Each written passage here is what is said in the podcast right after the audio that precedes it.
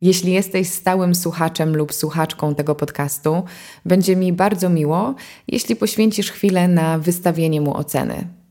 Możesz to zrobić zarówno w aplikacji Spotify, jak i na iTunes. Nie zapomnij zaobserwować mojego podcastu i dodać go do swojej biblioteki.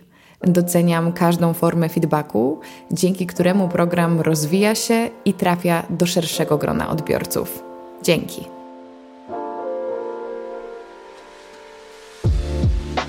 Cześć. Słuchacie podcastu Karoliny Sobańskiej, a to jest odcinek 255. W tym programie poruszamy tematy związane z dobrym życiem i celebracją codzienności. Podstawą dobrej relacji jest dobra komunikacja. No kto by się nie zgodził? Tylko jednoznacznej odpowiedzi na to, jak komunikować się z drugim człowiekiem, no niestety nie ma. Każdy z nas jest ukształtowany przez swoje doświadczenia i zderza się z drugą indywidualną i unikalną jednostką. Próba zrozumienia się nawzajem, już nie mówiąc o pielęgnowaniu szczęśliwej relacji, to nie lada wyzwanie. Zaprosiłam do siebie po raz drugi autora książek i artykułów, doradcę w zakresie efektywności i społecznego rozumienia zjawisk psychologicznych, znanego pewnie wielu z Was Miłosza Brzezińskiego. Postanowiłam wypytać mojego gościa o to, jak komunikować się w związku i jak może nam w tym pomóc wiedza teoretyczna. W tej rozmowie poznamy filary dobrej relacji, takie jak życzliwość i równowaga finansowa. Dowiemy się, na co warto zwracać uwagę, gdy jesteśmy jeszcze w fazie zakochania oraz dlaczego związek to nie jest gra w zbijaka. Dodam jeszcze, że partnerem odcinka jest Hedepi, czyli platforma oferująca terapię online, gromadząca terapeutów z całej Polski. Dzięki temu mamy dostęp do każdego dostępnego w danym momencie specjalisty, niezależnie od miejsca zamieszkania czy tymczasowego pobytu.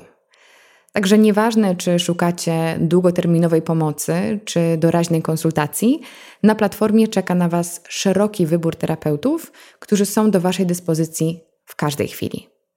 A teraz zapraszam Was bardzo serdecznie do wysłuchania rozmowy z Miłoszem Brzezińskim.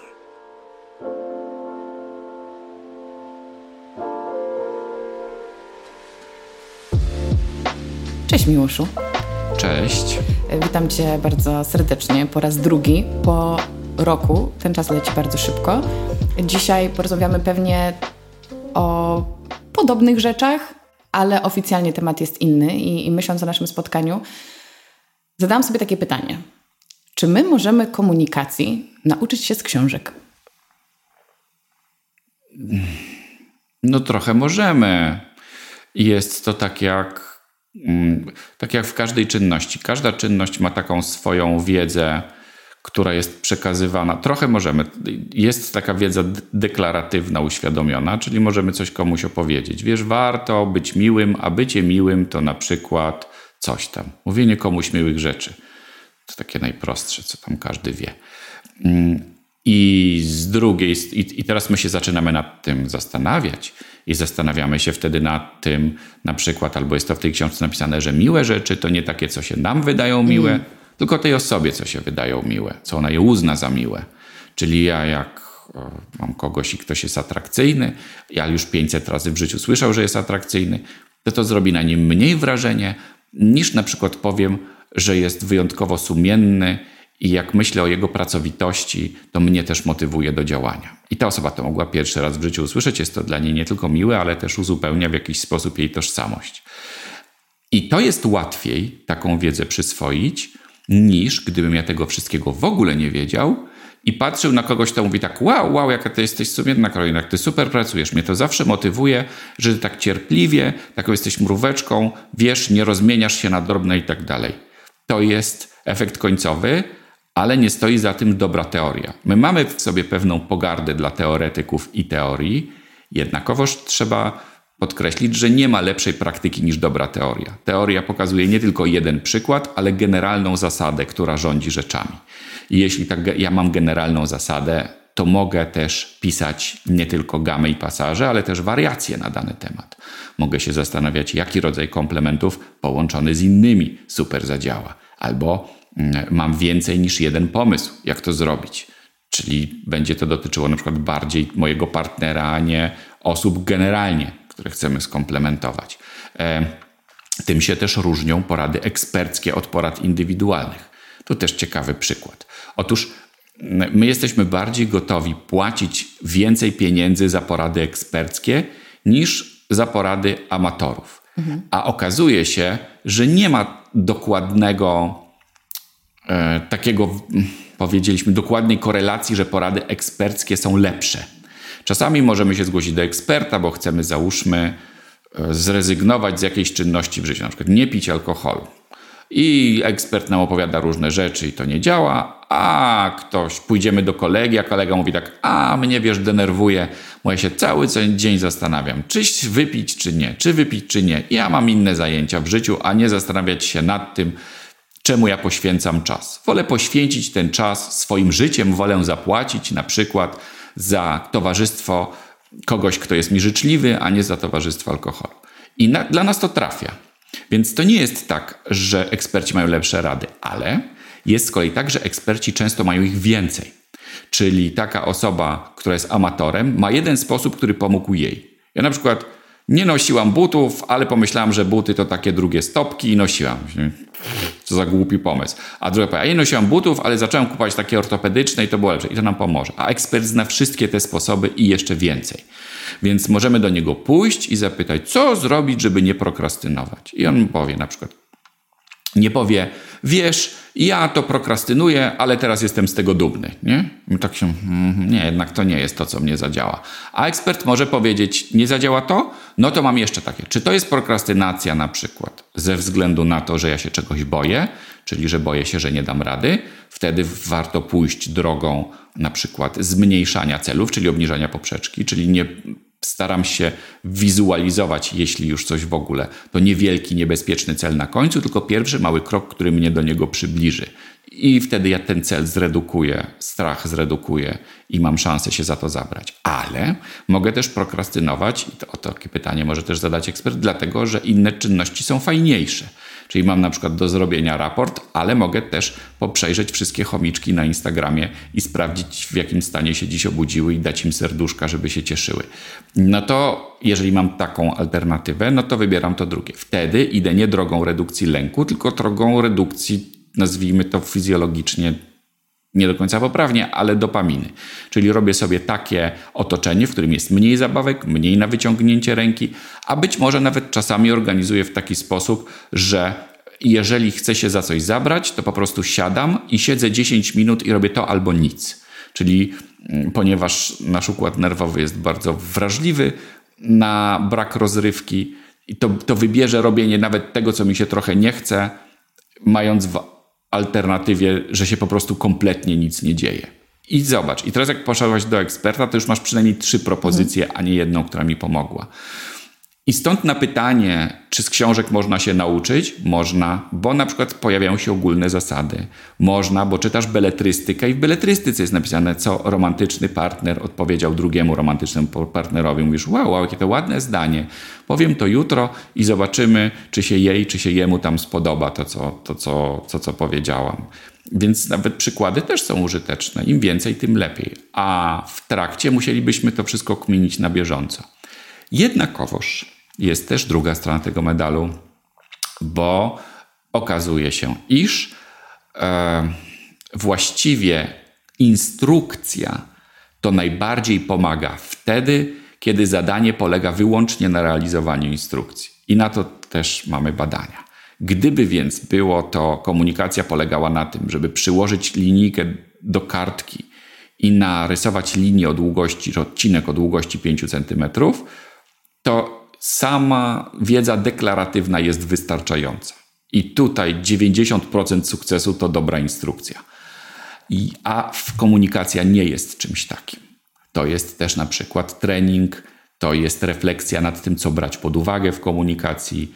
Jest tego za dużo i trzeba to mieć przetrenowane, żeby mnie jak komunikat się wobec mnie gdzieś tam w eterze zaistnieje, to ja wiem, na co zwracać uwagę, a na co nie. Że w ogóle jestem w jakiś sposób uważny na to, więc muszę się trzymać w uważności.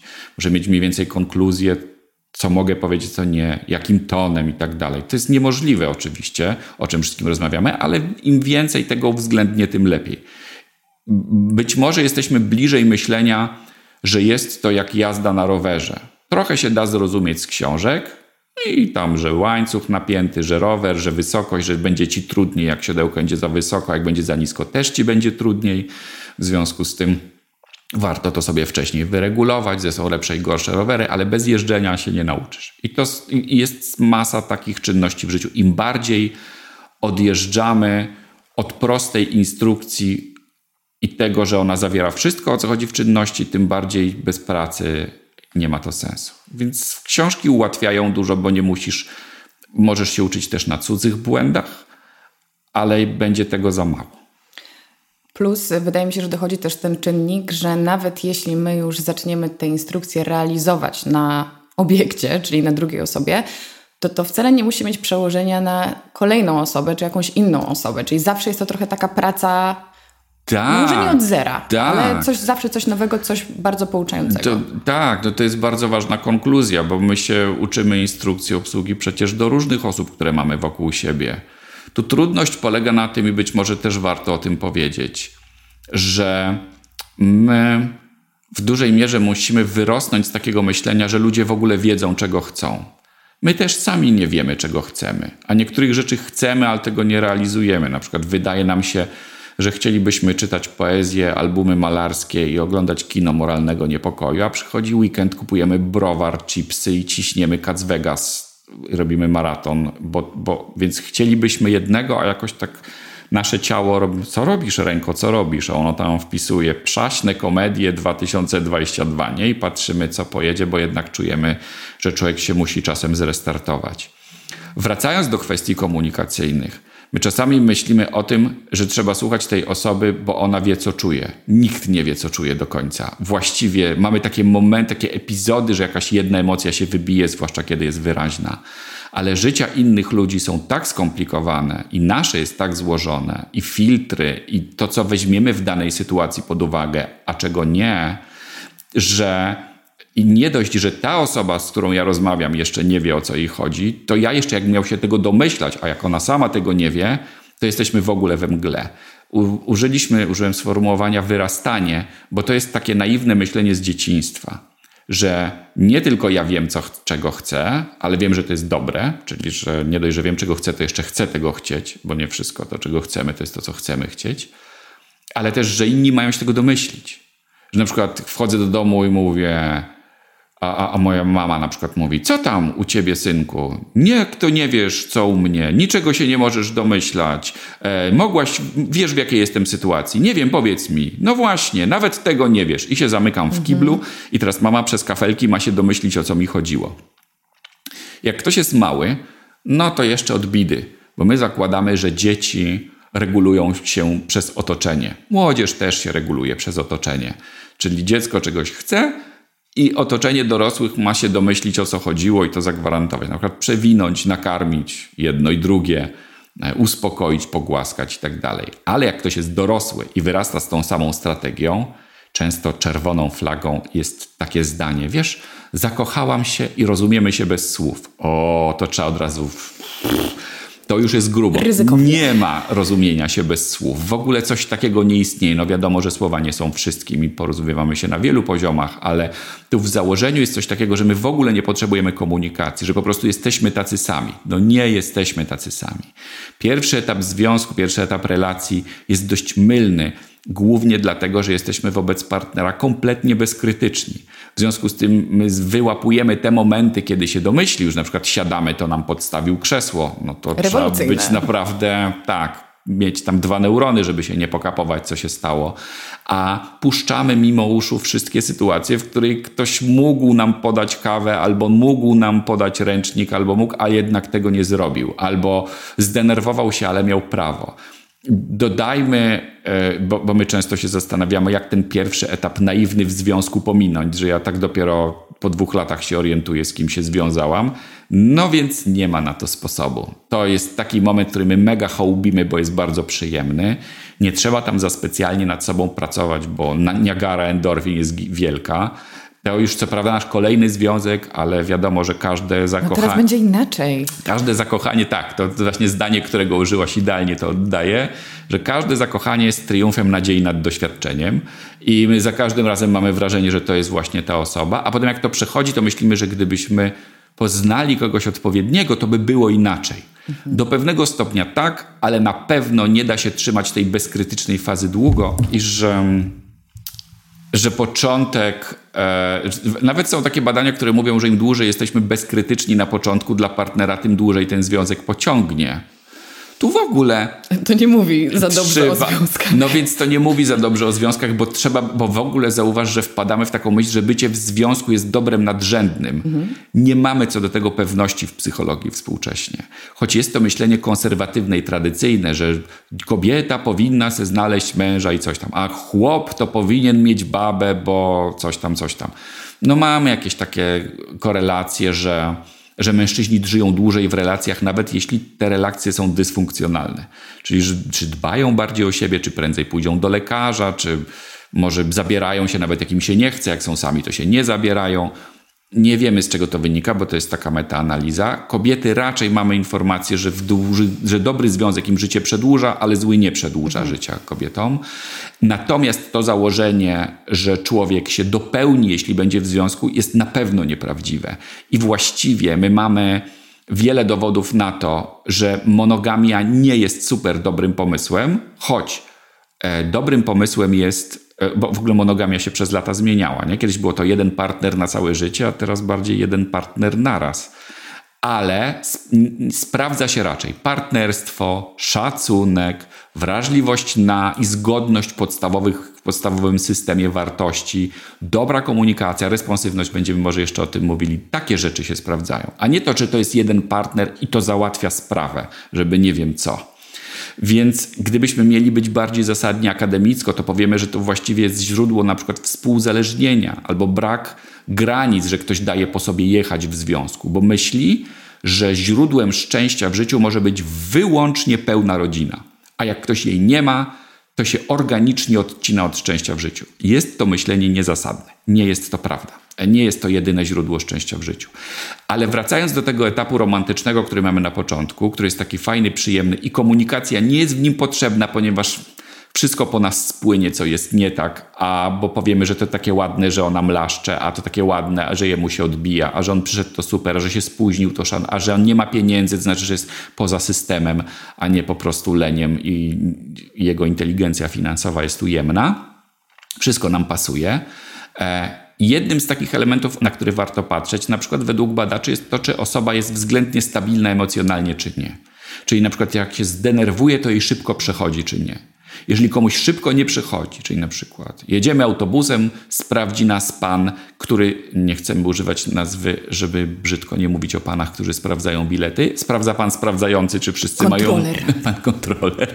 Czy wszyscy mają bilety i ta osoba się nie może do końca dnia podnieść po tym, że musiała zapłacić mandat, to to jest z kolei na przykład mhm. pomarańczowe światło, że naszym zadaniem stanie się w związku doprowadzanie tej osoby do ładu, a jak się nie daj losie zorientuje, że wtedy jesteśmy nią zainteresowani, to może ją przefiknąć, że będzie cały czas rozchwiana. A my ją będziemy cały czas łatać, żeby ją doprowadzić do ładu. Ona się będzie bała przyznać, że już jest załatana, a my się będziemy bali przyznać, że już nie mamy siły, żeby się ten związek nie rozpadł. Więc taka stabilność emocjonalna jest dobrym pomysłem. A i tu wracamy znowu do początku, że o ile dzieci nie są odpowiedzialne za regulowanie swojego dobrostanu, o tyle dorośli tak nawet w związku. Partner nie jest od tego, żeby osoba doprowadzić do ładu. No chyba, że straciła przytomność albo ma napad padaczkowy, no to wtedy jest ubezwłasnowolniona, wiadomo. Ale normalnie terapia, leki, mandala, medytacja, bieganie, siłownia, melisa, miliard rzeczy, panorama wsparcia społecznego, czyli znowu nie mam jednego partnera i odcinam się od wszystkich znajomych, co jest naturalną tendencją na początku związku, bo związek na początku jest bardzo ekspansywny i my domagamy się tego zalania endorfinami, a daje nam to, nic nam tego nie daje, tak jak bycie z partnerem i patrzenie na babie lato i mówienie, jaki jest twój ulubiony kolor, a mój też, a także mówienie o tym, że cała moja rodzina jest walnięta, tylko ja jestem normalna. Tak, u mnie jest dokładnie to samo. Wow, jak my się znaleźliśmy, więc tam jednorożce żygają tęczą. I tak wygląda początek, i rzeczywiście my nie chcemy, ale jeśli to potem staje się sposobem na życie, czyli załóżmy po dwóch, czterech latach, kiedy partner powinien nas już zwrócić na ojczyzny łono, czyli na, na tę, do, do, do, tego, do tej panoramy społecznej, i partner domaga się od nas, żebyśmy byli dla niego całą wioską, czyli tymi, z którymi on może opowiedzieć przaśne dowcipy i się bzykać, i z którymi pójdzie na jedzenie i na mecz i ugotuje i pomedytuje i będziemy razem codziennie uprawiali jogging, to to jest za dużo na jedną osobę. Nikt tego nie zniesie. Wtedy raczej powinno być więcej osób w naszej okolicy i więcej osób w okolicy partnera, żeby, żeby to rozładować. Że jak ktoś chce oglądać mecz, to nie musi ze mną. Czy może, jak mi to sprawia przyjemność, ale ja się naprawdę nie muszę przymuszać. Tak samo jak chcę gdzieś porobić coś, co mnie nie pasuje, bo na przykład czegoś nie. Ja nie muszę z, z nim tam wtedy być. Mogę sobie robić jakieś inne rzeczy. No ale na początku to jest zupełnie niemożliwe. I dlatego nam to wystarcza, cieszymy się, bo jest przyjemnie, nie ma rzeczy nieprzyjemnych. To, co nas z takiej psychologicznej perspektywy zwraca, na co warto zwrócić uwagę, że wtedy związek nie wymaga wysiłku, bo jesteś tak uwiedziona tym, co się dzieje w twojej głowie, że to się samo dzieje. Ktoś mówi, że nie może bez ciebie żyć, to jest prawda. Nie może ciebie. Znaczy, niektórzy może by tam jeszcze dali radę, ale jest mu bardzo trudno, smutno. Fajnie, jak cię trzyma rę za rękę, to dostaje taki strzał wszystkiego, że jest mu miło i ludzie nie chcą tego oddawać. Niestety po dwóch, czterech latach to się wysika, i zacznie się ta praca, której my nie lubimy rozmawiać o związkach, nawet kulturowo nie, jesteś, nie mamy zbyt wielu wzorców. Co robić ze związkiem, którym już jest normalnie? Że trzeba iść po ziemniaki, tam kibel umyć i tak dalej. Jak, jak się rozmawia wtedy? Jak wtedy komunikacja wygląda? Wtedy jak ktoś mówimy, to wtedy mu mówimy, nie wpadłaś czy nie wpadłeś, ale mogłaś się domyślić. Bo wtedy zaczynamy wymagać, żeby mhm. partner coś rozumiał. No i wtedy zaczyna się też duża praca, bo partner w zasadzie nie jest za bardzo od domyślania się. Czasami jest, bo warto by było, żeby wiedział, na przykład jak ktoś po 20 latach nie wie, czy słodzimy herbatę, czy nie, to sytuacja staje się trochę dziwna. Ale w większości raczej partner nie jest od domyślania się. To jest smutne, no bo byśmy, my to raczej łączymy z tym, że partner jest jednak na nas uważny, że on wie, że my rano tacy, a po południu tacy, chcielibyśmy mieć jakąś wolność, nie? Niemniej jednak mamy bardziej tendencję do przeholowywania w tę stronę, że partner się w ogóle wszystkiego powinien domyślić i wszystko nam powinien wybaczyć. E, raczej badacze związków mówią, że w związku my jesteśmy odpowiedzialni za to, żeby się doprowadzić do ładu. To nie jest rola partnera, że inni ludzie mogą nam dać dużo, ale to nie jest ich obowiązek. Żeby sobie dać dużo, to jest mój obowiązek. Ja sobie mam dać dużo.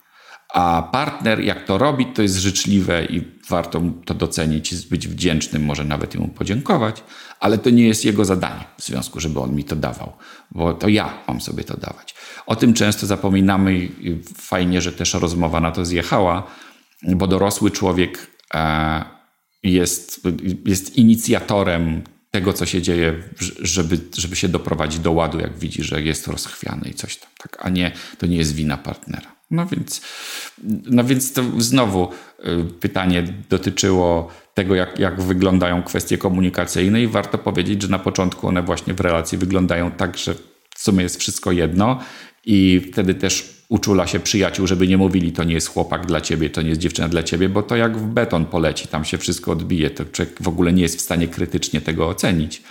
Mm, ale potem, jak już zaczyna tak się zastanawiać, co mógłby innego porobić, oprócz tego, że patrzy w oczy swojemu wybrankowi serca czy wybrance, no to wtedy jest pora na takie regulowanie tego, co się ma zadziać. I wtedy, pracujemy nad innymi rzeczami. To już jest ta, ta część związku, w której trzeba włożyć pracę, bo wcześniej nie trzeba.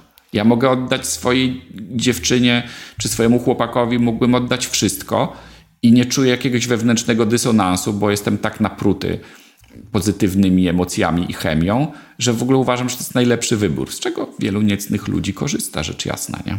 Rozkochując w sobie i domagając się wiele, a potem wyrzucając takie wiórki na, dla chomika, flaczki i tak dalej. No ale e, takich osób jest relatywnie niedużo, które to robią celowo.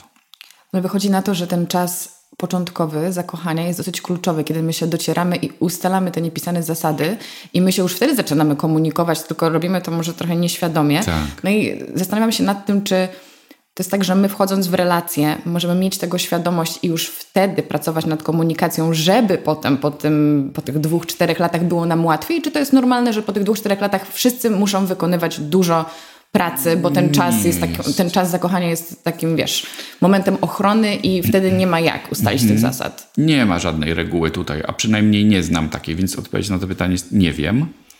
Eee, to, to, co wiem, że jak, zależy od tego, jak dobierzesz partnera. Jeżeli się zakochasz od pierwszego wejrzenia, to nie masz pojęcia, kto to jest, i po czterech latach trzeba będzie tę osobę pogrzebać na uroczystym pogrzebie i zobaczyć, kto to siedzi właściwie. Urealnić. Tak, kto to w ogóle jest, czy wymysłuje, czy nie. Możesz się wkopać wcześniej.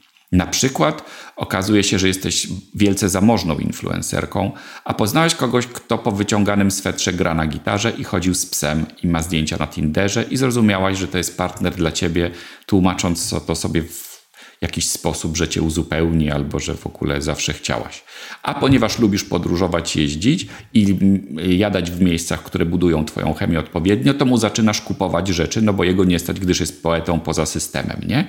I na początku to wygląda zbornie, gdyż on ci daje miłość i uważność i patrzy na ciebie, a ty mu dajesz całą resztę której, finansową, której on nie miał i wszyscy jesteście szczęśliwi. Niestety po czterech latach się okaże, że zaczyna w tobie kwitnąć pogarda Dlatego, że pieniądze w związku są właściwie najczęstszą przyczyną, dla których ludzie się rozstają. Zdrada jest najczęstszym powodem, dla których, której pojawiają się u terapeuty, a pieniądze, dla których się rozstają. Ponieważ pieniądze w związku to władza, zdrowie, spokój, godność, szacunek, poczucie bezpieczeństwa. Jeżeli jedna osoba łoży pieniądze, a druga mniej, to choć na początku wygląda to na coś bardzo sympatycznego, w efekcie zaczyna budować w związku bardzo dużą dysproporcję. Trudno ci pozbyć się myśli, że jakby chciał, to by się mógł zabrać i chociaż trochę. A jak zaczyna rosnąć w związku pogarda, to ona wypiera, ona jest taką specyficzną emocją, że wypiera całą resztę. Dlatego na przykład trzeba uważać, no niektórzy mają takie śmieszne powiedzonko, o dramatycznym rzecz jasna podłożu, żeby uważać, co się robi przez pierwszy tydzień w związku, bo można wylądować, że się to przez całe życie będzie robiło. Nie? Czyli mówi, ja to nie umiem zmywać, wiesz, mnie tak z rąk leci, o, to ja pozmywam, nie ma problemu. Nie? I człowiek 40 lat później myśli, kurna, czemu ja zmywam cały czas? Już się 500 razy nauczyła, czy nauczył, nie? a to tylko ja to robię. No to właśnie tutaj jest ta kłopotliwa sprawa. I jak wiemy o takich minach, takich różnych, E, takich min jest sporo. Możemy sobie powiedzieć, co no, to, to można sobie ułatwić, ale jak człowiek jest nastoletni, to w sumie tak, doświadczenia nie ma, więc nie ma z czego czerpać.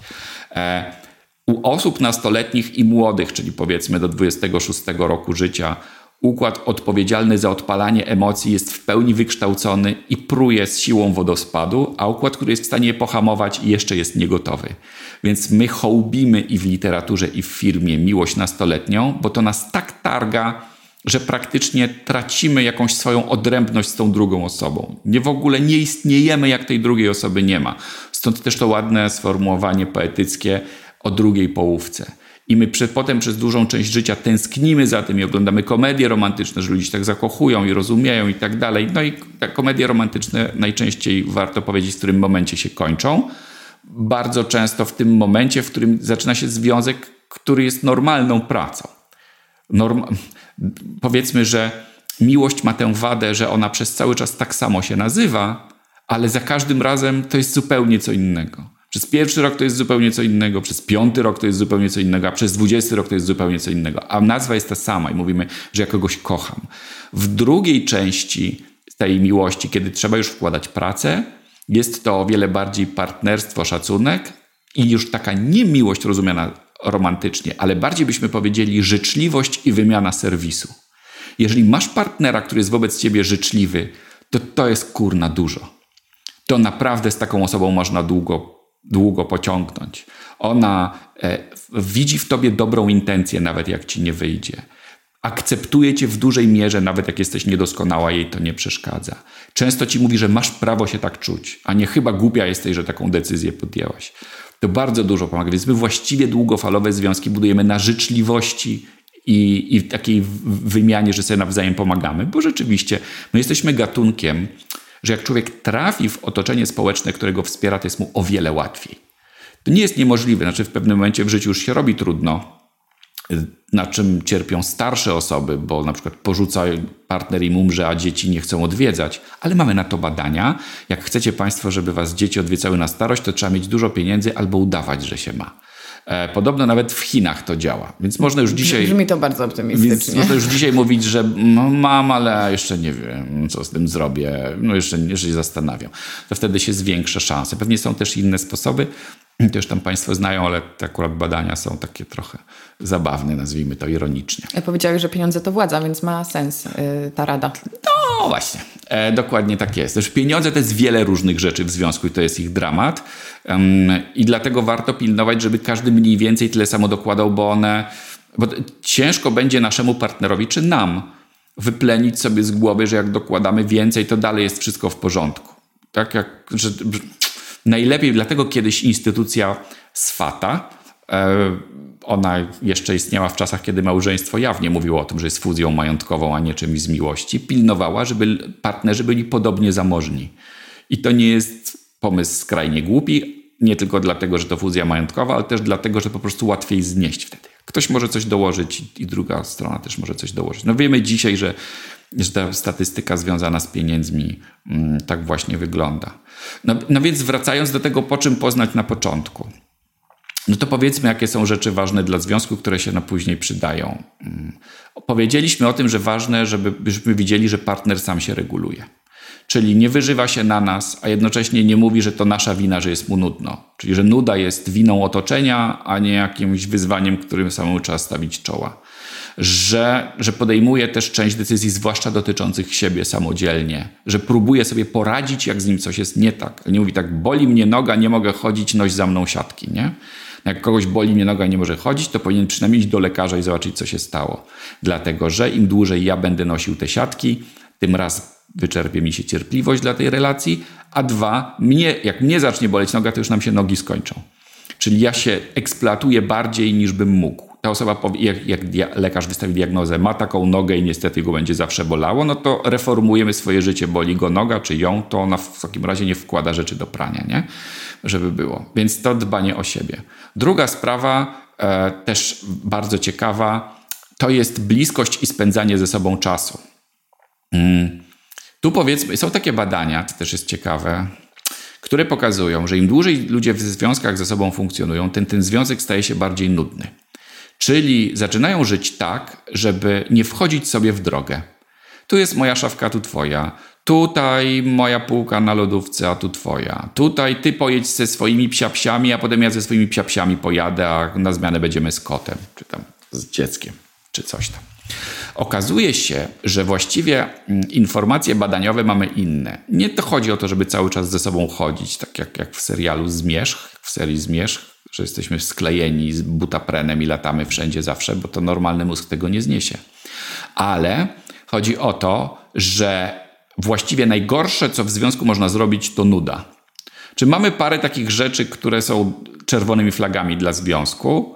E, jest to przemoc, jest to nadużywanie substancji. Partner ma niewielki wpływ na to, czy osoba z tego zrezygnuje, czy nie, choć nam się wydaje, że dla mnie przestanie.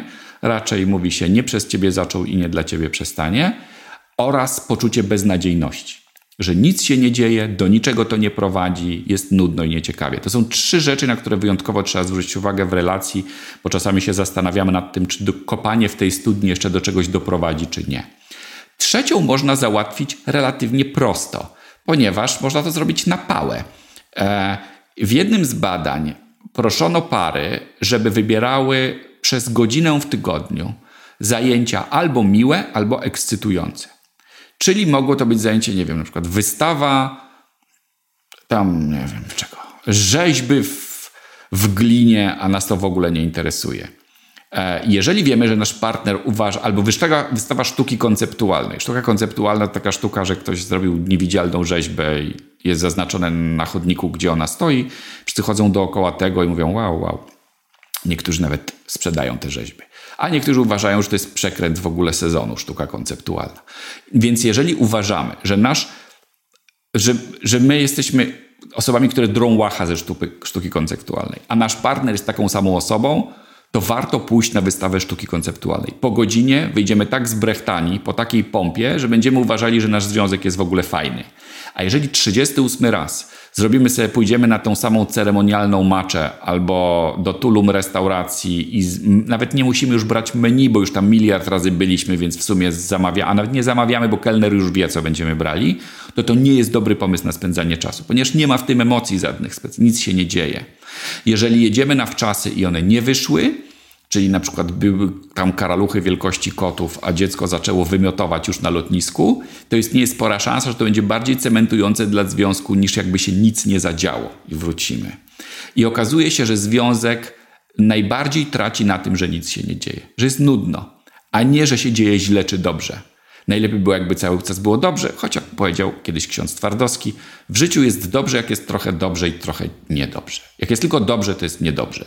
W związku z tym tak, że było dobrze w związku, to jest na początku możliwe, a potem już nieprawdopodobne. Tak? Kiedyś ktoś robił taką domorosłą statystykę, że w normalnym domu człowiek chce się wynieść z domu raz w tygodniu. Nie? I że, że to w sumie tak powinno wyglądać. Jeżeli ktoś opowiada o swoim związku w kategoriach nieromantycznych, to to jest w sumie w dobrą stronę idzie. Jak ktoś mówi, że w 40% jest w swoim życiu samotny, to prawdopodobnie to jest całkiem dobra statystyka. Człowiek powinien być całkiem sporą ilość czasu sam, żeby się zastanawiać, czy to mu się podoba. Wtedy dochodzi do wniosku, podoba mi się to i jest bardziej zadowolony. A jeżeli się nie podoba, no to coś zmienia. Więc e, spędzanie ze sobą czasu w takim kontekście, ono właściwie warto, żeby bazowało na odejściu od rutyny, a bardziej w kierunku czynności ekscytujących. Można dodać na marginesie, że w ogóle różnorodność psychologiczna jest jednym z filarów szczęścia w życiu. Więc to nie tylko związkowi służy, ale też mnie. Gdybym ja był na przykład miłośnikiem robienia podcastów i robiłbym tylko podcasty, to prawdopodobnie oceniałbym swoje życie źle. Choć na początku bym się cieszył, ale jednak chciałbym, żeby się coś też innego działo. No dobrze. Następny element to taki, że powiedzieliśmy o tym, żeby tam, żeby spędzać ze sobą czas. Następny element to jest responsywność.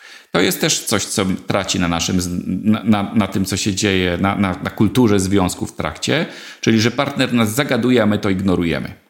Czyli na przykład e, Gottmani, którzy to badali swego czasu, dawali taki przykład, że mogę iść z kimś przez park, na przykład e, jesteś moją żoną, interesujesz się filatelistyką, a ja jestem miłośnikiem ornitologii, interesuję się ptactwem lokalnym i nie tylko. I ty mówisz, wow, ptaszek. A ja mogę tak powiedzieć, że nic nie powiedzieć, po prostu ciągle się do mnie odzywasz, po prostu postójmy chwilę w milczeniu. Mogę też powiedzieć do ciebie, no pewnie, że ptaszek dur napało, bo jesteśmy w parku, a to, to chyba wiadomo, że nie słonik albo żyrawka. A mogę też powiedzieć na przykład, że wow, zięba, zobacz jaka tłuściutka, bo pewnie się szykuje na zimę. I to jest responsywna reakcja. Żadnych ceregieli nie było, ale ja zauważyłem to, że się do mnie odezwałaś, nie zignorowałem tego, dopowiedziałem coś od siebie, e, bez ironii, że się nie znasz i że no, zięby nie poznałaś, no oh, po prostu Jesus, e, wyglądasz jak wyjdź stąd, tylko na takim równym partnerskim poziomie. I doceniam właściwie to, że nie wyciągasz kolekcji znaczków i nie każesz mi tego oglądać w klaserze na ławce, tylko że rozmawiamy, że wyciągasz rękę w coś, co mnie interesuje. Tak, że chociaż ja wiem, że nigdy nie będziesz się znała na ptakach tak jak ja, bo cię to nie obchodzi, a mnie bardzo, to jednak traktujecie jak z szacunkiem za to, że to. I to jest responsywność. Że partner coś mówi, mówi, głowa mnie boli, a ja mu nie mówię wtedy jak twoją matkę, tylko mówię mu wtedy na przykład, a co, jak myślisz, dlaczego tak się mogło stać? Albo czy mogę ci jakoś pomóc, co jest w ogóle niegłupim pomysłem, bo my mamy masę takich odpowiedzi związkowych, które wyglądają jakby były dobre, ale nimi nie są. Nie są kontaktem. Kontaktem nie jest błyskotliwa odpowiedź. Kontaktem nie jest ironia. Kontaktem nie jest sarkazm. Sarkazm to jest w ogóle agresja najczęściej. Kontakt wynika z tego, że ja się na chwilę jestem ciekaw i wierzę tej osobie, która do mnie mówi. Co jest trudne, bo czasami jak chciał jej uwierzyć, to będę musiał nadkruszyć wiele rzeczy, w które ja wierzę. Czyli na przykład, że zrobiło wszystko tak jak trzeba, ale los jej nie sprzyjał. I, I ja wtedy się zastanawiam, naprawdę są ludzie, którzy robią wszystko tak, jak trzeba, rozumiem, naprawdę moja żona czy mój mąż zrobili wszystko, czy mój partner tak, jak trzeba, ale wyrzucili go czy ją z pracy. E, I dlatego to jest trudne i dlatego kontakt jest bardziej ciekawością i odwagą, żeby uwierzyć w to, że ta osoba ma rację. To jest, to jest znowu trudne i wymaga treningu, ale dobry związek to jest efekt treningu, a nie efekt rekrutacji. I pracujemy między innymi nad tym w związku, zwłaszcza takim już późniejszym, żeby nie grać z pierwszej piłki. Czy jak ktoś mi coś mówi, to ja najpierw przerywam to, co robiłem. Nie muszę wszystkiego. Gotmani mówią, że 8 na 10. Ale przerywam i się zastanawiam, co się stało. Co ta osoba do mnie powiedziała, w jakim jest stanie, co ja mogę powiedzieć. Właściwie nie. Podstawowa zasada jest taka nie myśleć o tym, jak błysnąć intelektualnie, a myśląc, myśleć o tym, jak spowodować, żeby jej się zrobiło miło i żeby ją wesprzeć. To jest całkiem, żeby nie powiedzieć przesadnie, zajebista reguła komunikacyjna. Ludzie nie mają wiele radości z tego, że mamy rację albo że błysnęliśmy. Na pytanie, czy mieć lepiej rację, czy mieć lepiej partnera, statystyczna odpowiedź jest, że oczywiście, że partnera. To wiele bardziej koreluje z radością w życiu i szczęściem, a manie racji, czek ma rację często i nic z tego kompletnie nie wynika. Więc się zastanawiamy nad tym, co takiego powiedzieć, żeby właściwie ta osoba się poczuła lepiej. O, inna jest metafora, która też może Państwa, że to nie jest jak gra w zbijaka. Komunikacja nie polega na tym, że jakoś mam tak ciepnąć piłką, żeby on się nogą przeżegnał, że mu tak powiem, że on się nie podźwignie, tylko to jest jak granie w piłeczkę z dzieckiem. Ja mam tak powiedzieć, żeby on załapał o co chodzi. I wtedy wszyscy się cieszą. To jest dobra metafora komunikacji.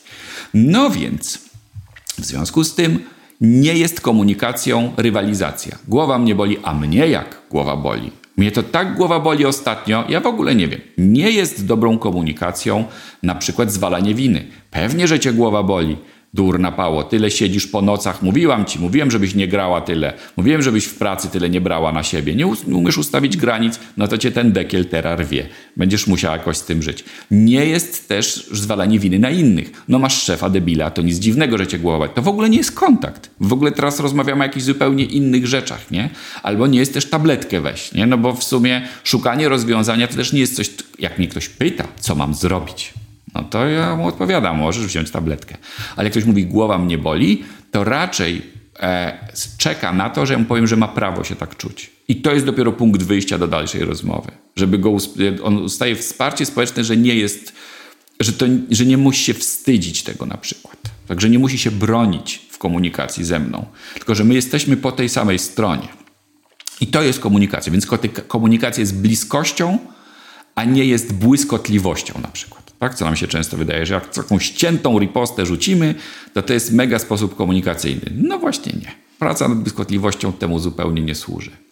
I dlatego responsywność jest trudniejsza niż się wydaje, bo my odpowiadamy właściwie, warto w związku opowiadać w taki sposób, żeby ten nasz kompan się dobrze poczuł, a nie tak, żebyśmy my się wykazali, że jesteśmy inteligentni. Nawet jak mamy jakiś taki z książki z cytatami z wujka, z ciętej riposty, po prostu takie, że tak, tak mm. pociśniemy, że do siódmego pokolenia, to można to sobie przełknąć i zastanowić, a jak no. mogę zostawić tę osobę w lepszym komforcie, bo jej lepszy komfort to mój większy komfort. Tak te naczynia są w relacji połączone.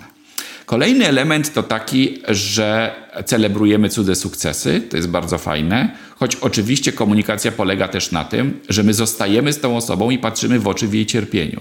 To jest znowu niuans, o którym e, może warto powiedzieć zupełnie osobno, bo pytanie, jak ci mogę pomóc, jak się czujesz, e, wygląda to na duży ból. Opowiedz, co się stało to są wszystkie pytania, które są pytaniami relacyjnymi, komunikacyjnymi, takimi, które nas łączą w bliskość. Te, które są nie takie, e, powiedzieliśmy wcześniej. I teraz ja muszę mieć na sobie tyle odwagi, że jak ta osoba będzie mi mówiła, to ja dalej z nią będę siedział. Nie będę odwracał kota ogonem. Ona opowiada, że jest jej ciężko, że jest jej smutno i będę się bronił, o ile nie zostanę o to poproszony, żeby ją z tego wyciągać. Tylko ona ma tak długo mi opowiadać, aż w końcu powie tak, ale w sumie pieprzyć to, to po prostu jest głupek. Chodźmy na kawę. Tak? I ja po to byłem, żeby ta osoba sama do tego doszła. A nie ja jej mam podsuwać, chyba że mnie o to spyta. To jest mega trudne, bo my znowu, znowu w takiej regularnym myśleniu szukamy jakichś sposobów, modeli, protokołów, procedur, że teraz oto przez konfrontację ta osoba się lepiej poczuje, a ta osoba się najlepiej poczuje, jak zobaczy, że siedzi ze mną w tej ciemności i nic się nie dzieje. I w końcu powie tak, a w sumie to tu jest trochę nudno, wyjdźmy. Dobra. Więc my nie jesteśmy też od tego, żeby ludzi wyciągać, choć czasami możemy się domyślić, ale też uczymy innych ludzi, że jeżeli chcą pomocy w związku, to warto było, żeby o to poprosili wyraźnie. Jak się ładnie mówi w coachingu, nie udzielaj porad, nie są tak dobre, jak myślisz. Tak? My nie jesteśmy od udzielania porad, tylko od tego, żeby ludzie się sami nauczyli wychodzić z miejsca, w którym są i robili to potem coraz sprawniej. Ale oczywiście, e, żeby nie siedzieć w tematach przykrych, są też tematy nieprzykre, czyli że ktoś celebruje i ma sukces. Więc nie mówimy mu, żeby nie ja, to byś do niczego nie doszła, bo to nie o to chodzi w ogóle. Ani nie mówimy, gdybym ci nie powiedział, to byś nie dała rady. Albo nie mówimy, żeby twój szef nie przymknął oka, to byś nie dała rady też, czy byś nie dał rady. Ale też zauważamy, i to jest ten element bycia w sytuacjach miłych, kiedy e, ta osoba mm, jest nam wdzięczna albo my jej.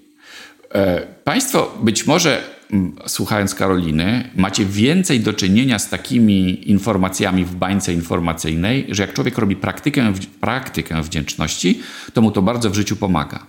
Otóż, proszę Państwa, to jest dopiero na trzecim miejscu, jeśli chodzi o strzały serotoniny. Na pierwszym miejscu jest odbieranie wdzięczności od kogoś. I nic nam tak nie pruje po centralnym układzie nerwowym jak to. W związku z tym a na drugim miejscu, bo żeby jest obserwowanie, jak ktoś jest komuś wdzięczny. My jesteśmy wręcz, można powiedzieć, organicznie zbudowani do wsparcia społecznego. I jeżeli mamy partnera, który potrafi nam być wdzięczny, to nie chodzi o to, że on tam o, za każdym razem beczy się, nie może ze smarków wygrzebać i w ogóle dzieci z kwiatami przybiegają, a on w ogóle nam kupuje wakacje na Zanzi tylko chodzi o to, że widzę, że się napracowałeś, że dziękuję za kawę, dziękuję, że przyszłaś, dziękuję, że pomyślałaś o mnie, jak to zrobiłaś. I to nieważne, czy ten związek ma 2 lata czy 17, to jest nawykiem. Nie zgodnie z tą regułą, nie, że co jej będę mówił, że dobrze pozmywała, pewnie przecież, przecież widzi, czy dobrze pozmywała. No ona widzi, ale pomocne w związku mimo to jest to, że ja widzę po tych wszystkich latach nadal, że ona zmywa. I że ja, to nie jest dla mnie przezroczyste. I nie traktuję tego jako takiego czynnika higieny, że to normalne, że zmywa, no bo zawsze zmywała, no to nie zmywała, to już nie trzeba na to zwracać uwagi. Tak? To, to nie jest jak tlen w powietrzu. W związku z tym my też w związkach się uczymy, żeby wdzięczność wyrażać i żeby uczyć drugą osobę też. To jest element savoir vivre jednak mimo wszystko. Dziękowanie za coś. Bez specjalnej ceregieli, chociaż czasami można, nie wzgardzimy, że ktoś nas coś nam da i zaprosi na kolację albo na obiad albo przyniesie kwiatki czy czekoladę, nie mamy z tym problemu, ale że w ogóle widzi. I to jest najlepszy sposób, żeby sobie poprawić satysfakcję w życiu i poczucie sensu. O wiele lepszy niż praktyka wdzięczności, że codziennie wieczorem wypiszę trzy rzeczy, za które jestem wdzięczna. Co jest być może warte zapamiętania, e, dlatego że my najczęściej uważamy, że sobie bardzo dobrze sami ze sobą poradzimy. Nie jest to niemożliwe, ale ludzie, którzy mają innych wokół siebie i mają względnie to poukładane, mają o wiele łatwiej w życiu. I to jest nie do pokonania w stosunku do, do, ludzi, którzy uważają, że sam, sam sobie będę sterem, żeglarzem, okrętem, wszystkim tam, co mi przyjdzie do głowy. I dlatego tutaj celebrowanie wspólne, zwłaszcza jak to my jesteśmy inicjatorami, nasze to jest dobrowolne, bo wdzięczność powinna być dobrowolna, pomaga nam nie tylko w tym momencie, żeby nadać szczęście, dodać szczęścia i sensu w życiu, ale też za każdym razem, jak sobie to przypomnimy. I to wystarczy 3 minuty, 3 e, do 5 minut mamy badania. Jak często w tygodniu niestety nie mamy badań, ale prawdopodobnie ze 3 razy. Więc wystarczy tę jedną sytuację sobie przypominać, żeby nam się robiło lepiej. Dlatego to celebrowanie w związkach różnych momentów jest o wiele ważniejsze niż nam się wydaje. Czasami nam się nudzi, bo ktoś jest na przykład Karoliną i ciągle ma sukces, przeskakiwanie ze szczytu jednej fali na drugą. Nie szkodzi to nadal jest super fajna sprawa. Jest to malejący zwrot ze szczęścia, bo my mamy w życiu tak, że jak nagroda jest powtarzająca się, to każdy kolejny element działa gorzej, ale ciągle jest lepsze niż próba takiego emocjonalnego onanizmu, że sam sobie powiem, co we mnie jest fajne i sam sobie będę pomagał. To jest oczywiście ważne, jest to element poczucia własnej wartości, czyli takie, takiego konstruktu, który zbudowany jest na myśleniu, że ja w ogóle jestem osobą w porządku. Jestem w porządku, czasami jestem rozsypką, ale jestem życzliwą wobec siebie rozsypką. I że czasami mi coś nie wyjdzie, a czasami nawet źle się zakocham, a czasami, zachowam, a czasami nawet mi wstyd, ale w ogóle to jestem w porządku. Jakoś się tam próbuję z tym poradzić. Więc ta, jest to element autożyczliwości. E, natomiast jeżeli chcemy szukać sensu i szczęścia w życiu i szukać najlepszych sposobów, to cudza wdzięczność jest właściwie nie do zaorania. Dlatego polecam Państwu bycie wdzięcznym innym i też tak, żeby inni to widzieli, bo to tamtym też pomaga. E, to jest kolejny element. Zostanę, zostawiłem jeszcze dwa na, żeby nie odpowiadać na jedno pytanie. twoje do końca, ale na pewno bardzo się przydaje mieć przynajmniej jedną parę, z którą się spotykamy, albo jakieś inne osoby, z którymi się spotykamy. To jest zawsze punkt odniesienia. Człowiek widzi, że inni mają różnie w życiu, a czasami nawet wraca i mówi, dobrze kochanie, że nie jesteś tam całując w rączkę taka jak ona. E, z jakiegoś powodu to pomaga, że, że jak mamy inne osoby i dobre relacje z tak zwanymi teściami. To też pomaga. I możemy uważać, że oczywiście nasi rodzice mogą nas nie rozumieć i to niczego nie zmieni. Może czasem nie zmienia, bo to jednak statystyka. Jednakowoż w większości przypadków człowiek jest bardzo wrażliwy na takie zjawisko rodzicielskie zwane sączeniem. A w psychologii powiedzielibyśmy, że to zjawisko nazywa się truth by repetition, czyli coś staje się prawdą przez to, że jest powtarzane. I tutaj jest ciekawostka. Jest w jednym z badań zaproponowano ludziom zdanie, że Ziemia jest idealnym kwadratem. I wystarczyło to zdanie powtórzyć 40 razy, żeby 53% osób stwierdziło, że to nie jest tak do końca nieprawda.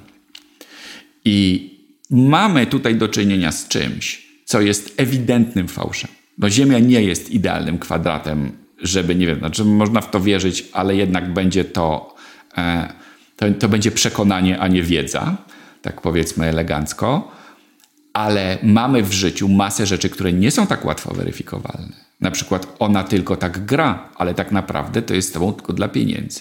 Ona tak gra, ale tak naprawdę cię nie kocha i jest zołzą i zobacz jak ona tak mówi, to mówi specjalnie po to, żeby ci zamydlić oczy.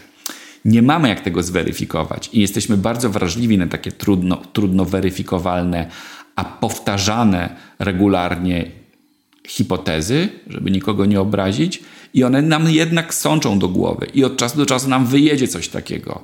Dlatego przychylność ze strony rodziców jest bardzo pomocna dla związku. I jeżeli widzimy na początku, że jest duży opór rodziców, to od razu można założyć, że będzie nam ciężej z tego powodu. Bo i my będziemy się nasłuchiwać wielu rzeczy, które są nieprawdą, no i potem może się oczywiście skończyć tak, że się rozstaniemy i matka z ojcem przyjdą i powiedzą, a nie mówiliśmy. No i w sumie mówili, ale jest to do pewnego stopnia samospełniająca się przepowiednia, nie? Bo tak długo mówili, aż zaczęliśmy w to wierzyć i zaczęliśmy zbierać informacje nie zaprzeczające tej hipotezie, a ją potwierdzające, jak nam się miarka przebrała, to coś tam. I, i niby mieli rację, ale jednak nie ale my nie mamy jak do końca być tego pewni, bo tego się nie da po prostu sprawdzić. Dlatego jakby skrócić ten cały proces i przejść do początku, to powiemy, że najbardziej nam w związku jednak pomaga, jak rodzice są przychylni. I rodzina generalnie jest przychylna. Uważa, że to jest w porządku, że to nie jest jakiś super, ale to jest w porządku, osoba, lubimy z nią być, fajnie, że przychodzi. E, są gorsi. Mm, jeżeli mm, zastanawiamy się nad tym, czy szukać w ogóle też na początku związku kogoś, kto nas kocha, czy bardziej kogoś, kogo my kochamy, Niestety o wiele bardziej opłaca się znaleźć kogoś, kto kocha nas.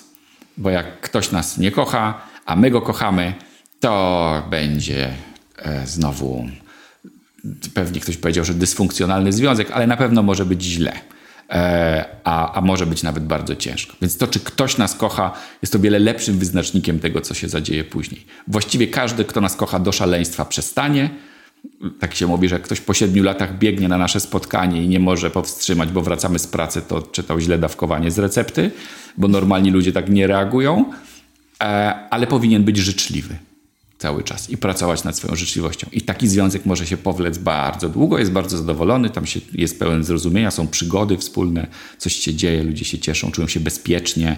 E, jak nie mogą sami wymyślić dlaczego, jak sobie poradzić emocjonalnie, to ich partner im powie, a pomyśl o tym jako o czymś, tak sobie siedzimy i, tak, i to jest okej. Okay. Tak, taki, o. Cieszę się, że powiedziałeś o tej nierównowadze, bo myślę, że nas, nasuwa się takie pytanie, które może być taką oczywistą oczywistością. No właśnie, związek to wzajemność, związek to praca, no a co jeśli ta chęć wykonywania pracy lub świadomość tego, że ta praca jest do wykonania na tak wielu płaszczyznach, o których powiedziałeś, leży po jednej stronie i to zaangażowanie jest niewyrównane. Tak, to e, oczywiście zależy, ale powiemy od czego, czyli po, pociągniemy to. Nie wiadomo, co się z tym związkiem stanie. E, znowu utopią jest myślenie, że w związku będzie 50-50. Nie ma takich związków, że jest 50-50. Po prostu mamy na przykład różne kompetencje. Jednych mniej męczy gotowanie, a drugich bardziej. E, pytanie, kogo mniej, kogo bardziej. Dobrze jest, jak sobie to wszystko rozłożymy, a nie jak drugi jest cwańszy na przykład. Jedni, jedni mają prawo jazdy, drudzy nie mają prawa jazdy. Fakt, że tam ci mogą zrobić, ale może nie mogą, bo na przykład mają stany lękowe i generalnie w życiu sobie radzą, ale samochodem nie mogą jeździć. Albo mają na przykład jakiś źle wylosowali układ nerwowy i nie zdążają za tym, co się dzieje na jezdni. Mamy lepsze dni i gorsze. Właściwie to wygląda tak, że... Mm, i to jest pierwsza część mojej wypowiedzi, że zawsze jest nierówno w związku. Właściwie w relacji normalnej człowiek ma poczucie, że wnosi nieco trochę więcej niż druga osoba. E, tak, żeby łącznie, jak się pyta partnerów, to wychodzi łącznie 140%. E, że, że każdy wnosi trochę więcej niż ten drugi. Tak, w normalnym związku tak czujemy. Wynika to pewnie z pewnej niereprezentatywnej niereprezentatywnego obrazu świata. Po prostu więcej widzimy tego, co my wnosimy, niż tego, co wnosi partner. No bo siłą rzeczy częściej widzimy swoje ręce niż jego. Więc my cały czas coś robimy w swoim życiu, a on czasami nie wiemy, co robimy, bo go nie widzimy. E, I dlatego, jak ktoś z Państwa uważa, że wnosi trochę więcej, a drugi, a, a Wasz partner, czy osoba, z którą mieszkacie też, to, to pewnie tak jest normalnie. E, ale najczęściej to jest tak, że Ty przychodzisz do domu, jak niektórzy mówią, na przykład Brené Brown mówi, że ja mówię, ja mam 40%. I wtedy najlepiej by było, jakby partner powiedział, to nic, ja mam 60%. To dzisiaj porobię, a to odsapnij. Niestety, najczęściej partner powie, ja mam 30%. I co teraz? No więc teraz w związku zbudowanym, powiedzmy, dojrzale, wiemy, że nam lekko brakuje. 40 i 30 to 30% brakuje. To trzeba się zastanowić, czego nie zrobimy. Nie będziemy się do siebie odzywać, póki nie odpoczniemy. Bo jak się zaczniemy odzywać, to to nie będzie dobra rozmowa i trzeba się będzie przepraszać. A to w sumie bez sensu, bo już zawczasu wiemy, co się zadzieje. Więc najczęściej jest tak, że się wnosi, a jeżeli jest za dużo do zrobienia, a mamy za mało do zrobienia, to pierwsza czynność w takiej dojrzałej relacji to taka, że zaczynamy uważać, jak otwieramy usta, żeby nie powlec tego za daleko. Natomiast, tak żeby było 50-50 w związku, jest to cel utopijny. On jest, może będą takie dni, ale nie ma co się z nimi wiązać za specjalnie, bo one prawdopodobnie się nie zadzieją. Ważne jest, żebym ja wiedział i zbierał swoją statystykę, gdzie mój partner donosi do związku i co tam jest to są, mogą być takie rzeczy, których ja w ogóle nie umiem, nie lubię, coś tam, i żeby on też miał takie poczucie. Aczkolwiek, wracamy do początku, pieniądze są wyjątkowym przykładem, bo pieniądze dźwigają gigantyczną e, masę e, relacyjną. One, w pieniądzach jest tyle pozaszywane, że jeżeli nie ma różnorodności, to jest ciężko. Czasami jest, właściwie łatwiej jest, jak mężczyzna wnosi więcej, choć pewnie byśmy uważali, że to nie jest równouprawnienie, ale jeszcze nie wymarła wystarczająca liczba osób, żeby to było kulturowo akceptowalne. I na przykład mężczyźni często zgłaszają, że jak ich partnerka zarabia więcej, a oni nie chcą być takimi niedojrzałymi mężczyznami, to mają problemy w swoim otoczeniu. Bo to ich koledzy im zwracają uwagę, czy to przez zazdrość, co, co wzięła cię stara na wczasy znowu, co za, kupiła ci stara now, nową deskę. No wiesz, tobie żona kupuje, to możesz mieć nowe narty co sezon, jak z nami jeździsz, nie? Coś tam. I, takim, i taki człowiek ma potem problem, zaczyna szukać jakiegoś sposobu, żeby strywializować ten wkład partnerki, na przykład, żeby się poczuć z tym dobrze, że tego, ale w sumie to fuksem, tego, ale ona jest w firmie rodzinnej i jej tata dała tak naprawdę, to ona nic nie umie, nie? Co znowu jest, jak, jak powiedzieliśmy na początku, jak się zaczyna pogarda, to jest trudno. Natomiast 50-50 nie będzie. Ogólna zasada jest taka, że jak zaczyna nam brakować, czyli widać znamiona przytłoczenia, to trzeba trochę spauzować z różnymi rzeczami albo z obowiązkami domowymi, albo z komunikacją, żeby najpierw się doprowadzić do ładu. Do takiej sytuacji, że znowu możemy rozmawiać, że najpierw odpoczniemy, a potem zobaczymy, na czym stoimy i co jest do zrobienia. Ale na pewno nie będzie 50-50. Ale jest też mroczna strona tego wszystkiego. Otóż niektórzy twierdzą, że my nie szukamy sobie partnerów takich, którzy stworzą z nami związek harmonijny, tylko my szukamy takich partnerów, o których my myślimy, że oni się zachowują tak, jak ludzie, którzy nas kochają. Czyli jeżeli na przykład mieliśmy rodzica, który jak wybiegłaś na jezdnię, to mówił, gdzie bilecisz, dur napało, oczadziałaś i tak dalej. Mówi, mamo, mamo, nie mów tak do mnie. Wiesz, dlaczego ja krzyczę? Bo się zdenerwowałam, bo cię kocham. To wy, no, możemy wynieść takie przekonanie potem do dorosłości, że jak ktoś się na nas drze, to to jest jego objaw miłości. Czyli mamy poczucie, że tak jest tak jak trzeba. Że ta osoba z miłości to robi i że w sumie tak jest dobrze. To może być uświadomione, ale nie do końca. Możemy uważać, że facet to powinien coś tam, a kobieta to powinna coś tam. Nie? Jak się takie powinnościowe historie pojawiają, to by zaraz pewnie w dzisiejszych czasach się wielu osobom mózg od, e, nóż otwiera.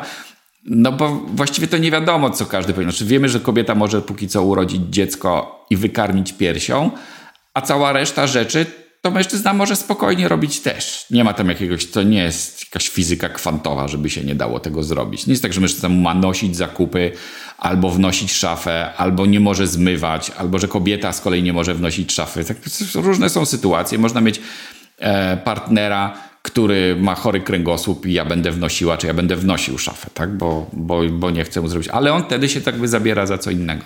Nie o tym jednak mówimy. Mówimy o tym, że my bardziej szukamy, że, że jesteśmy w stanie wytrzymać dłużej z partnerem, który jest symetrycznie skrzywiony do nas. Czyli on na przykład uważa, że partner powinien się wypróć i umrzeć z poświęcenia. A my z kolei uważamy, że jesteśmy księciem lub księżniczką i jak ktoś nas kocha, to się wypruwa z poświęcenia. I ten związek funkcjonuje długo, ale trudno powiedzieć, żeby to były osoby szczęśliwe. One funkcjonują w pewnej allostazie takiej, czyli takim zakłóconym spokoju, ale to się trzyma kupy. One w tym są. Są i to, i to jest wtedy relacja szkodliwa, ona jest dewastująca dla obu dwóch osób. One nie są zadowolone z tego. Jakbyśmy pytali, czy są szczęśliwe, to tak sobie z tym wychodzi. Jest wiele takich rzeczy, żeby dobieramy partnerów pod kątem swojej dziwności i to nie szkodzi. Na przykład jak się trafia do seksuologa, mówi, wie pani, pani doktor, no mamy taki problem, że my sobie musimy dawać klapsy. I on mówi, a panu przeszkadza? Nie. A panu albo a pani? Nie. To, to, to, to, co zrobisz? No to pewnie jest fajne, nie? To jakby z tym nie ma problemu, więc możemy się łączyć na poziomie takich różnych dziwnych zainteresowań czy preferencji i nic się specjalnie nie stanie. Ale trudność jest taka, że wiele związków wytrzymuje ze względu na to, że ludzie się dobierają w ten sposób taki komplementarny, czyli że myślą, że to jest po prostu, że łobuz kocha najbardziej na przykład, nie?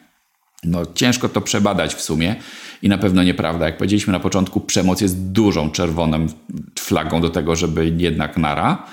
E, ale dla niektórych osób właśnie nie, bo uważają, że jak ktoś kocha, to znaczy, że się bardzo przejmuje. A jak ktoś się tak przejmuje, że jak się jest agresywny, to znaczy, że już bardzo kocha. Tak? No i teraz my tego w podcaście nie załatwimy ale naruszanie integralności fizycznej nie ma wiele wspólnego ze zdrowiem, tym bardziej, że partnerzy, bo to mężczyźni mają takie tendencje eksterioryzacyjne, często uszkadzają swoje partnerki po to, żeby one miały większą trudność w wyjściu ze związku, bo im jesteś bardziej posiniaczona, tym ci trudniej znaleźć nowego partnera, tak? No bo wiadomo, że nikt nie chce chodzić z kimś, kto jest pobity. Więc ty się nie tylko boisz, ale też specjalnie możesz nikogo znaleźć. Tak nie chcę się w te drastyczne tam, w co mężczyźni biją na których etapach związku, ale generalnie taka jest zasada, że najczęściej widać, że agresywnie reagują osoby, które mają duże poczucie niższości, czyli tak, tak samo jest ze stalkerami e, i psychofanami, że uważają, że jak, e, jakikolwiek promień, pro, promil znajomości został zadzierzgnięty, to trzeba z tego skorzystać za wszelką cenę, bo już nigdy nikogo na tym poziomie nie spotkamy. Więc my się z tą osobą rozstajemy, a ona próbuje cały czas za nami chodzić, zniechęcając naszych potencjalnych partnerów nierzadko, wiedząc, że jest na przykład mm, taką, nazwijmy to, matrymonialną czwórką, a my jesteśmy matrymonialną ósemką i ona wie, że w ogóle nie ma szans. Pytanie, czy taki stalking działa? W 15% działa i to jest smutne. Czyli ta osoba może tak obrzydzić życie innym partnerom, że my się w końcu decydujemy, żeby wrócić do tej osoby, bo po prostu nie mamy życia. Więc na to też się warto nastawić, że jak ktoś wjeżdża w, takie, w taki ambitny projekt, że będzie za nami ciągle chodził i wysyłał anonimowe pogróżki każdemu, kto się z nami będzie próbował umówić, to żeby nie zmięknąć do końca, bo da się to przewalczyć i, tylko będzie to wymagało pracy, ale niestety statystyki, statystyki są takie, tak przynajmniej twierdzi David Bass, który się tym między innymi zajmuje, że to, że to, że to może zadziałać, że, że ta osoba może wychodzić i wyagresywnić sobie to, że my stwierdzimy, że już lepszy ciasne gniazdko, ale własne, choć jest to tra tragiczne porównanie najczęściej, bo ta osoba jest takim ciemiężycielem w sumie, jest oprawcą bardziej niż, niż partnerem. Powiem Ci, nie spodziewałam się, że w tę stronę skręci ta odpowiedź, ale e, kończąc, e, zapytam Cię, czy da się jednoznacznie odpowiedzieć zatem na pytanie, czy jeżeli chcemy naprawić komunikację w związku, to inicjatywa jednej strony może przynieść jakieś pozytywne skutki i czy jest tam coś do odratowania? Jak używasz kwantyfikatora może, to może. Oczywiście. Szansa jest Choć jak mówią terapeuci, dokładnie, żarówka nie trzeba zmieniać. Ile osób potrzebne do zmiany żarówki?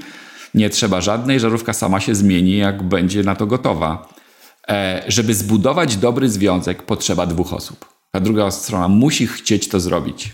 Musi w tym widzieć też sens. Na przykład to mamy.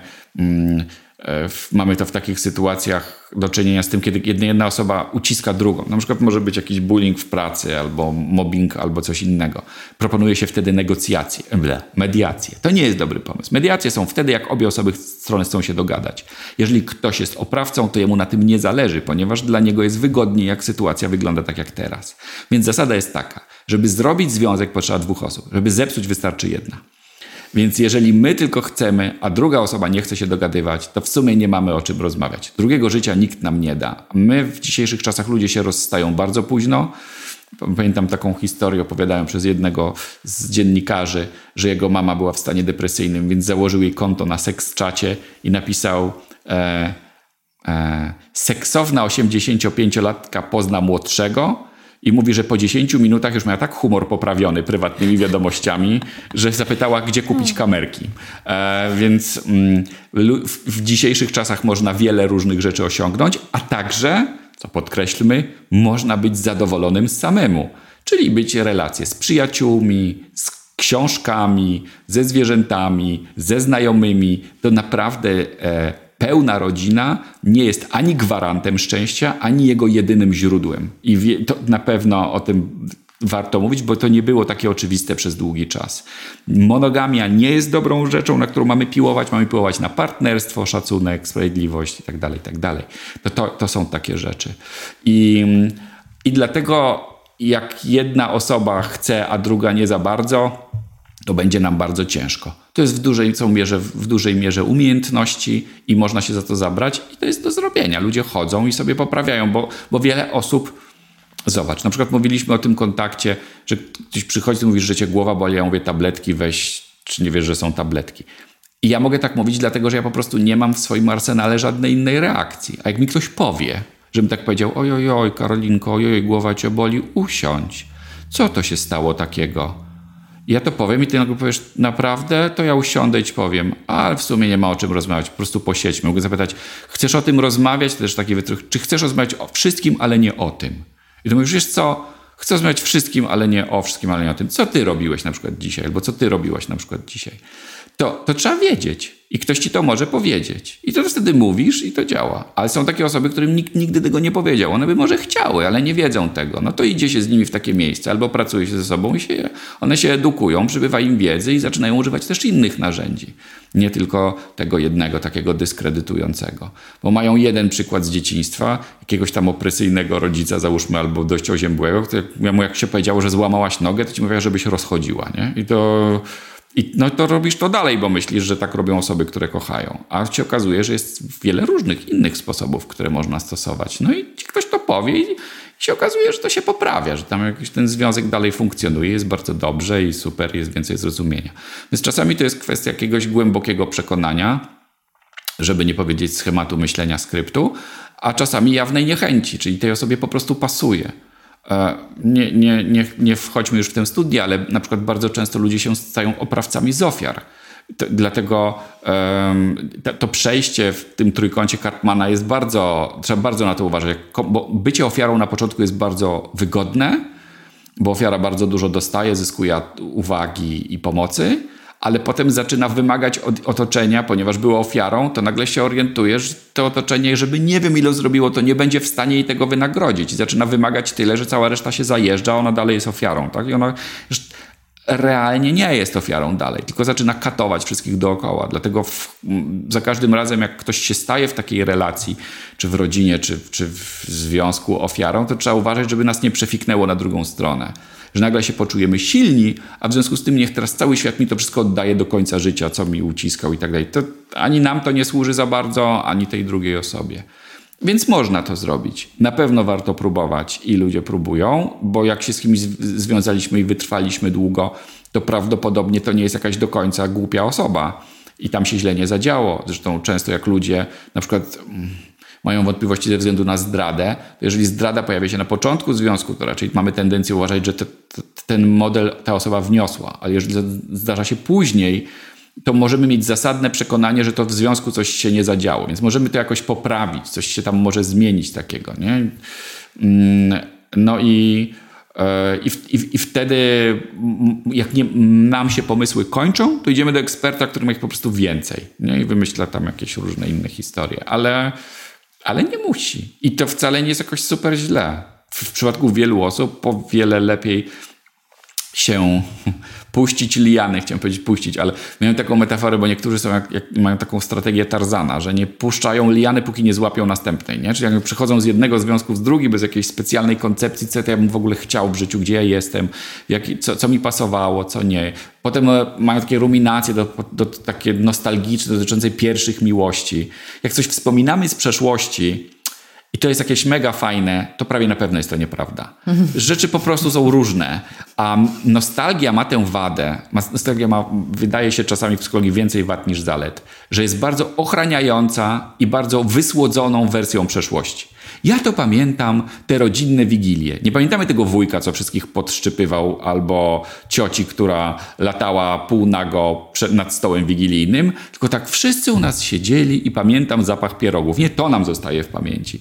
Dlatego często też z wiekiem ludziom się mówi nad tym, żeby nie ruminowali o przyszłości za dużo, tylko raczej się zastanawiali nad przyszłością. Bo przyszłość na pewno była dla, przeszłość, na pewno była dla kogoś krzywdząca, nie da się jej przenieść jeden do jednego, ale jest dobra, żeby się z niej uczyć, a nie żeby w niej żyć. Czyli ja się mogę zastanowić po każdym dramacie, czy związkowym, czy rozstaniowym, czy sytuacji, jak już pyło padnie. Czyli nie na gorąco. Zawsze jak już pyło padnie i się czuję, że jestem w kontakcie ze sobą, że już jak mogę myśleć, co mi pasowało, a co nie.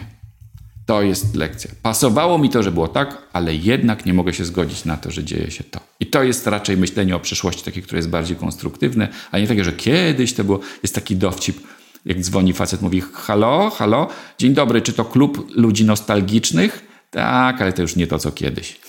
więc więc e, takie to myślenie nostalgiczne jest bardzo chroniące, bardzo wysłodzone. W latach 80. to było super. No jest parę takich grup społecznych, które by z wehikułu czasu nie skorzystały jednak do lat 80., nie?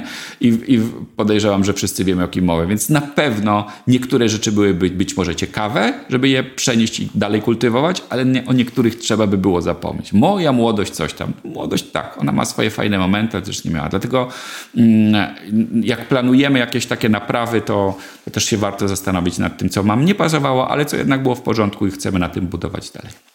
Miłosz, otworzyłeś bardzo wiele ciekawych wątków, które chętnie z przyjemnością w przyszłości rozwinę wspólnie. Natomiast po tej rozmowie y, myślę, że warto wszystkich zachęcić do edukowania się i do sprawdzania, bo to są chyba takie jednak zasady, które, które zawsze będą działać. Tak, mamy naturalnie, zwłaszcza w wysokich emocjach, mamy tendencję do stosowania strategii konserwatywnych i robienia tego samego. Dlatego różnego rodzaju konsultacje z ekspertami, którzy się zajmują relacjami, miłością, terapią, są dobre, ponieważ te osoby mają więcej pomysłów niż nam przychodzi do głowy. I mogą wrzucić, jeśli nie to, to to. I zadziałało nie, no to to. Nie zadziałało nie, to to. A to, no jakoś w sumie, no, no to może to. Tak. O, więc tak, tak, na pewno, e, na pewno proces edukacyjny się przydaje. Dziękuję Ci też bardzo i dziękuję Państwu. Trzymam kciuki, żebyście Państwo byli szczęśliwi, żeby i część może odkryje, że właśnie jak ma znajomych bardzo bliskich i fajnie sobie radzi, a część właśnie, że spotkała kogoś fajnego i to jest fajna osoba i że można z nim pobyć na różnych zasadach. Widzisz, nawet Cię nie zapytałam o przesłanie końcowe, a stworzyłeś się sam. Bardzo Ci dziękuję za o ten ogrom wiedzy, jakim się podzieliłeś i mam nadzieję, że do zobaczenia. Wszystkiego dobrego. Wszystkiego dobrego i Państwu też. Bardzo Wam dziękuję za wysłuchanie tego odcinka i dziękuję platformie Hedepi za objęcie nad nim patronatu. Pamiętajmy, że kluczową rolę w procesie terapeutycznym ma relacja terapeuty z klientem, ponieważ praca nad emocjonalnie ciężkimi aspektami naszego życia wymaga zaufania i odpowiedniego zrozumienia. Więcej informacji znajdziecie w opisie. A ja przypomnę jak zawsze, że mój podcast ukazuje się w każdy poniedziałek o 7 rano oraz w każdy pierwszy dzień miesiąca, kiedy to mam dla Was solówkę z inspiracjami. Raz na jakiś czas pojawiają się też środowe bonusy, także bądźcie czujni.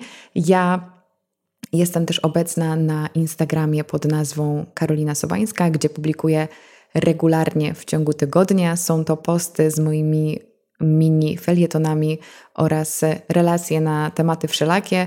Uważam Instagrama za taką przestrzeń, w której możemy sobie podyskutować i wymienić się przemyśleniami na tematy związane z tymi podcastowymi i nie tylko. Podcastu posłuchacie na Spotify, na iTunesie i na YouTubie. Ja niezmiernie Wam dziękuję za to, że jesteście i słuchacie i do usłyszenia niebawem. Cześć!